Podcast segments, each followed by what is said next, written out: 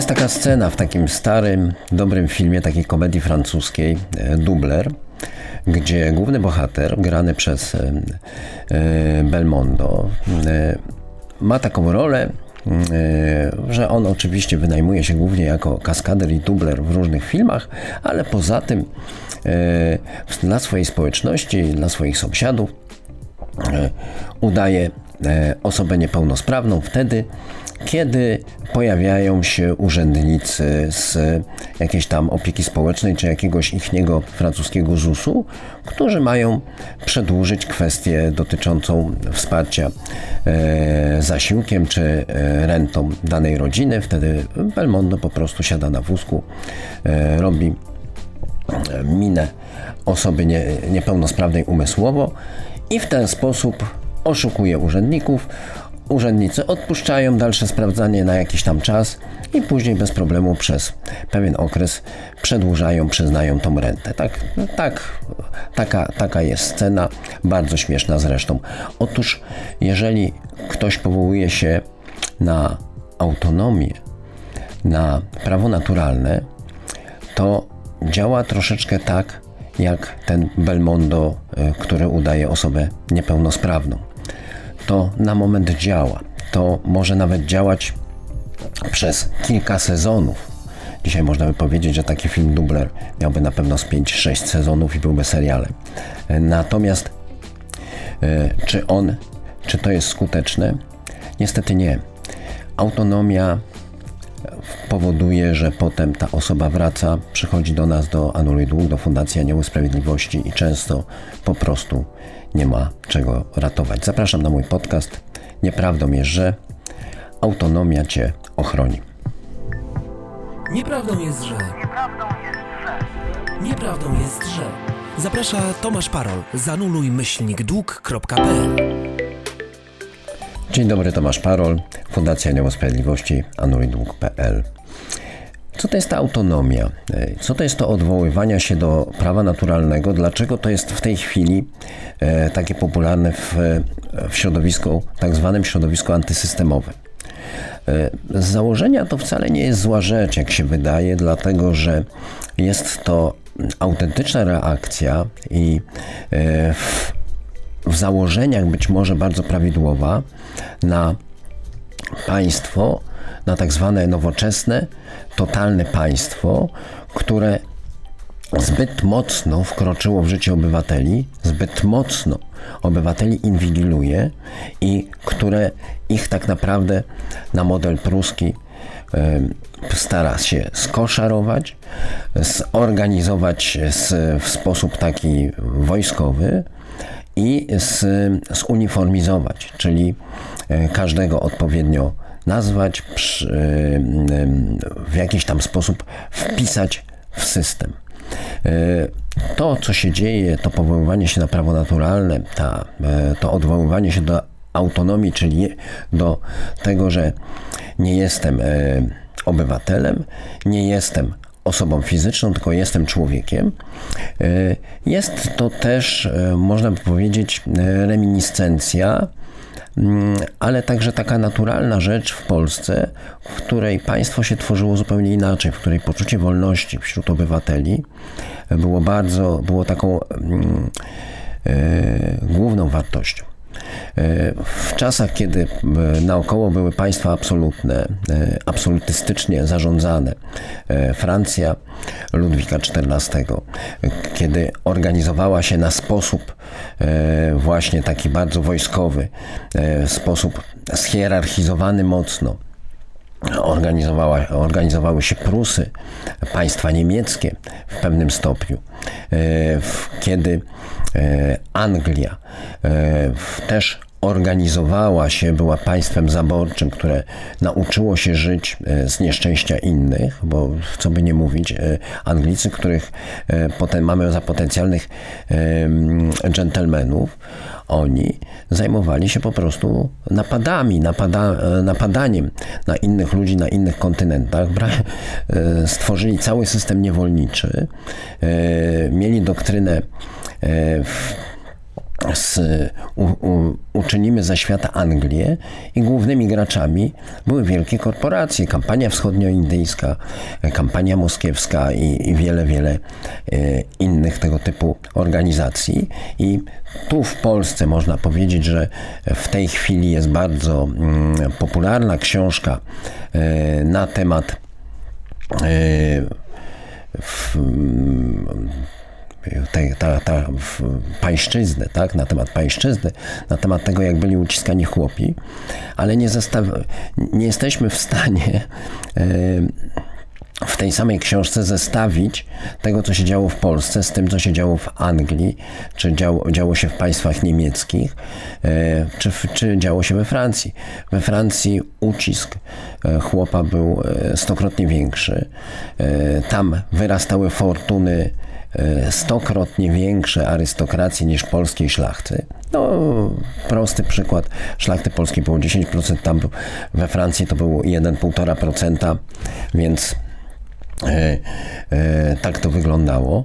Anglia żyła z niewolnictwa i z niewolniczej pracy innych i podboju innych ludów, z eksterminacji. Że, e, zwróćmy na to uwagę. Podobnie Belgia w Afryce, podobnie Belgowie, którzy najpierw dzięki Polakom, dzięki powstaniu listopadowemu e, odzyskali państwo, czy uzyskali państwo niezależne, potem oczywiście zajęli się podbojem. To samo robiła Portugalia.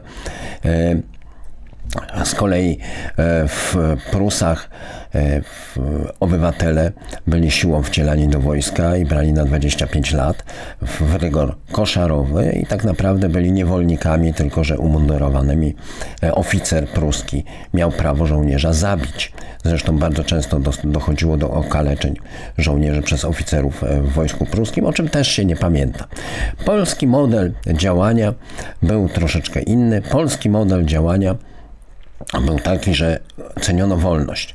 Tak naprawdę ten ucisk pańszczyźniany, on y, wynikał w głównej wierze z tego, że w, w głównej y, mierze z tego, że w, w Polsce w XVII wieku, w którym się zaczął, y, ta Polska była atakowana przez całe 100 lat ze wszystkich stron. Czyli tak naprawdę rycerstwo polskie, ta szlachta, E, e, oni potrzebowali bez przerwy pieniędzy na to, żeby, e, żeby walczyć. Z drugiej strony bardzo duża była danina krwi dawana przez szlachtę. Szlachcic miał poczucie takie, on chroni tą ziemię lokalną swoją, on chroni tego chłopa, on chroni tego mieszczanina, on oddaje życie. Są takie statystyki, że w, przez 100 lat każdym pokoleniu danego szlachcica e, co najmniej jeden syn ginął na wojnie, więc było takie duże poczucie, że my mamy, dajemy tutaj daninę krwi, my tutaj ponosimy jako szlachta e, największe ryzyko, bo ryzyko życia, ryzyko niedostatku e, bycia na wojnie, ryzyko rozłąki z tym, z tym swoim miejscem, więc ty, chłopie, musisz na to zarobić też, musisz nam pomóc. E, jeżeli nie chcesz, no to cię tutaj nakładamy na ciebie pańszczyznę. Ta pańszczyzna e, to było wtedy e, od jednego do kilku dni w tygodniu. Jeżeli teraz nam zabiera się 80% całej wartości naszej pracy tygodniowej, no to tak naprawdę chłop pańszczyźniany był w 100 razy lepszej sytuacji. Tyle tylko, że tam urzędnik miał jeszcze bat. U nas te baty też się pojawiają. One są troszeczkę, że tak powiem, ładniej stosowane. Niemniej wracam do tej autonomii.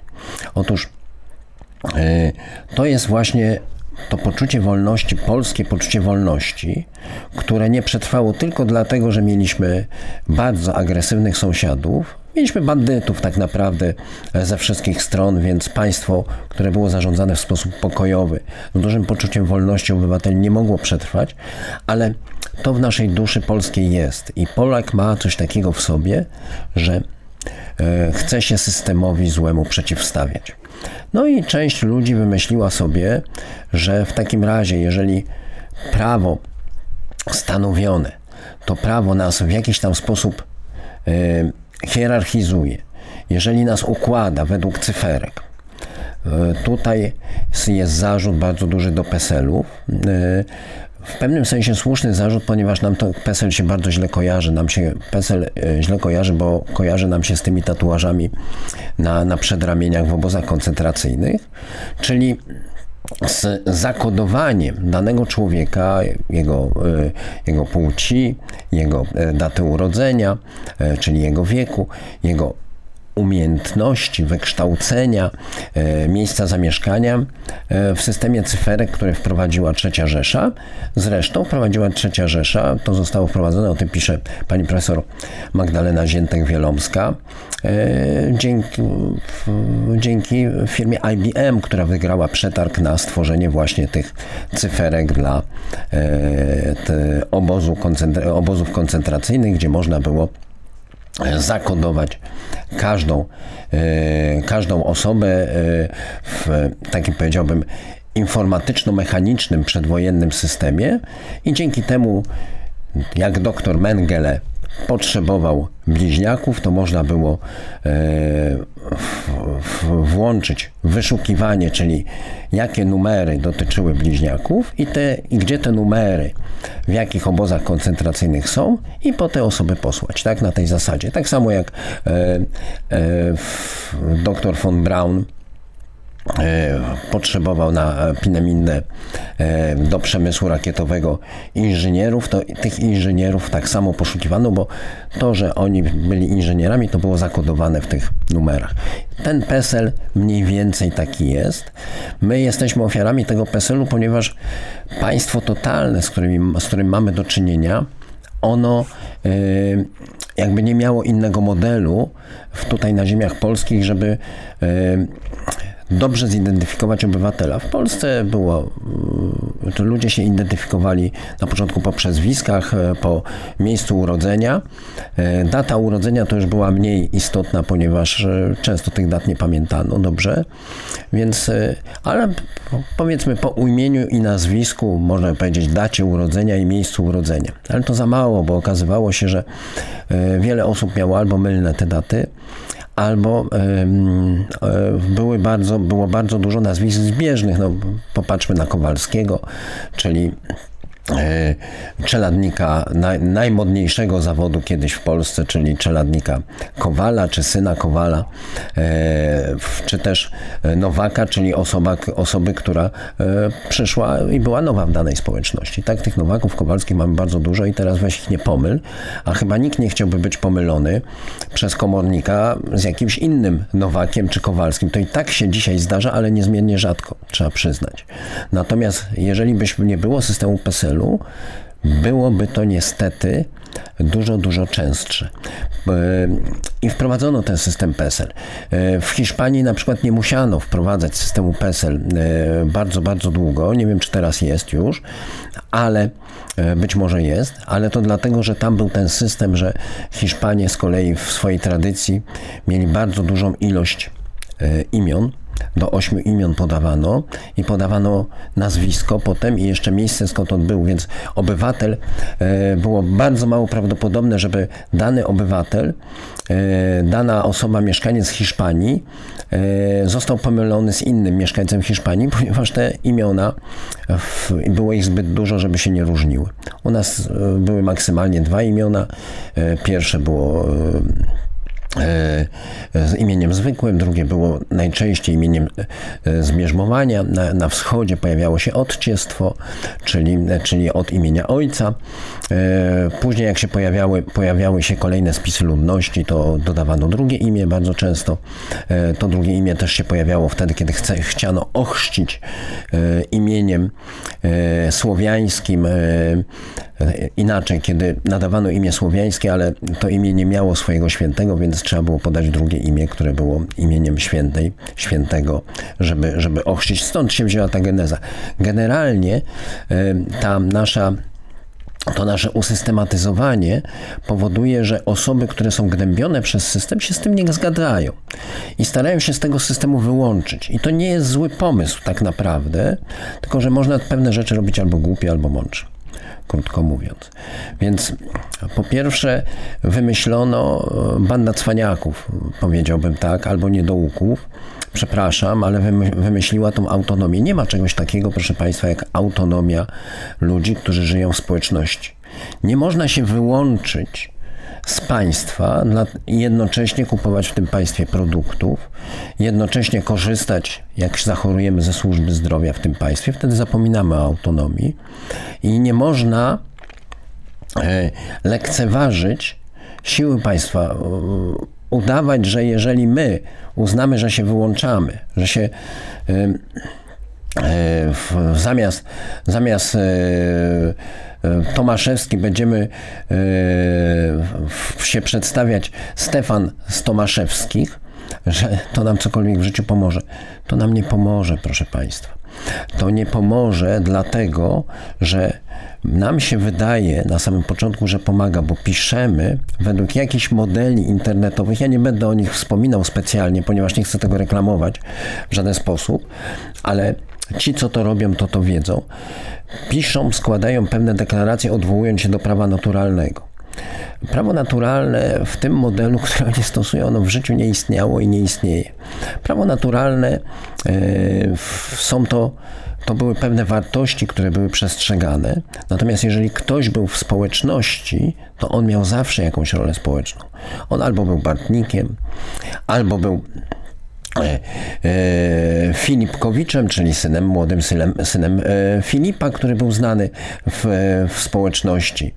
Albo był albo miał odpowiedni herb, albo prowadził jakiś inny rodzaj działalności, która go wyróżniała i która pozwalała go zidentyfikować. Autonomię jakby tak, jako taką mieli różni, różni włóczędzy, e, różne osoby, które były, które nie funkcjonowały, które funkcjonowały pomiędzy lokalnymi społecznościami, ale które też nie mogły liczyć na szczególną e, opiekę prawną, tak, bo nikt się za nich nie wstawił oni byli pewnego rodzaju takimi społecznymi banitami. Czasem cieszyli się z pewnym szacunkiem, pewnym szacunkiem ze względu na przykład na wiek. To był ten dziad wiejski, któremu tam każdy rzucił monetę i który e, bawił ludzi różnymi balladami. To byli różni tacy gawędziarze, równe, różne takie osoby e, tak zwanej drogi, które się spotykało na drodze, to mógł być jakiś, to mógł być jakiś kupiec, tak? Ale kupiec musiał sobie zapewnić sam ochronę. Kupiec był zazwyczaj bogatym człowiekiem, który funkcjonował w karawanie i w tej karawanie, w tej, w tej grupie kupców też miał swoją rolę, albo wyższą, albo niższą. Także taka autonomia, e, na jaką się państwo powołujecie, nie istnieje. Na prawo naturalne, na które się państwo powołujecie, nie istnieje. Odwoływano się wielokrotnie do prawa naturalnego, kiedy prawo stanowione, ten pozytywizm prawniczy dostał absolutnej aberracji. Tak mieliśmy, tak mieliśmy przy Norymberce, kiedy nie można się było odwołać do prawa państwowego wprowadzonego przez, wprowadzonego w Niemczech przez nazistów, dlatego że to prawo było niesprawiedliwe. To było takie prawo, prawo, które wypełniało oczywiście e, zasady, e, powiedziałbym, takiej moralności kantowskiej, ale ono było niesprawiedliwe, więc trzeba było przywrócić, odwołać się do ogólnych wartości. Ale państwo sami nie dacie rady. Zazwyczaj to wygląda w ten sposób, że e, kiedy wysyłacie te swoje pisma, w których popełniacie masę błędów, między innymi przyznajecie się do winy przyznajecie się do winy. Podstawową zasadą na przykład dla dłużnika jest to, że jeżeli dłużnik kwestionuje roszczenie drugiej, drugiej strony, to nie może pisać w takim piśmie, że jestem dłużnikiem, no i co z tego, ale mam autonomię, jestem człowiekiem. Nie jestem dłużnikiem, tylko jestem człowiekiem. Co prawda nie zapłaciłem, ale dlatego, bo uważam, że nie należy zapłacić. Tak? Takie rzeczy powodują, że potem, kiedy e, mija pewien czas, to okazuje się, że e, taka osoba, która uległa temu zwodniczemu, zwodniczej melodii autonomii, że taka osoba jest w jeszcze gorszej sytuacji. Powiem Państwu, nie wchodząc bliżej w szczegóły, jaki jest efekt działań autonomicznych na dłuższą, e, e, na dłuższą metę. Na samym początku urzędnicy milczą. Dostają takie pismo, które traktują jako pismo oszołoma i nie za bardzo wiedzą, co z nim zrobić. Jak ja byłem kiedyś urzędnikiem te 27 lat temu, to mówiono, że każdy, e, każdy urzędnik ma jednego lub drugiego swojego czuba, czyli mm, taką osobę, która wymyśla najróżniejsze rzeczy, która nie do końca jest pełno, e, pełnosprawna umysłowa albo jest zapiekła na kogoś innego i która zarzuca e, ten urząd tego, tego referenta, tego, tego urzędnika całą masą pism, na które tak naprawdę urząd nie, nie nadąża odpisywać. I i w pewnym momencie wywołuje rzeczywiście taki efekt, że nie chce, urzędnik nie chce się bawić w korespondencję z, z taką osobą, dlatego że czym więcej korespondencji wysyła, tym więcej takich odpowiedzi kolejnych, e, elaboratów, których nikt nie czyta, dostaje. Po prostu odpuszcza to na pewien czas.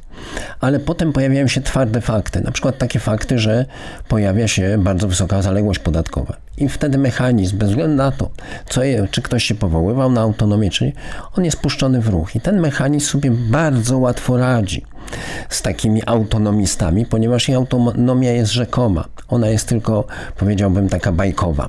To jest yy, yy, no, bardzo infantylne podejście, jeżeli się myśli, że powołując się na to, że jestem człowiekiem, no jestem człowiekiem, każdy jest człowiekiem.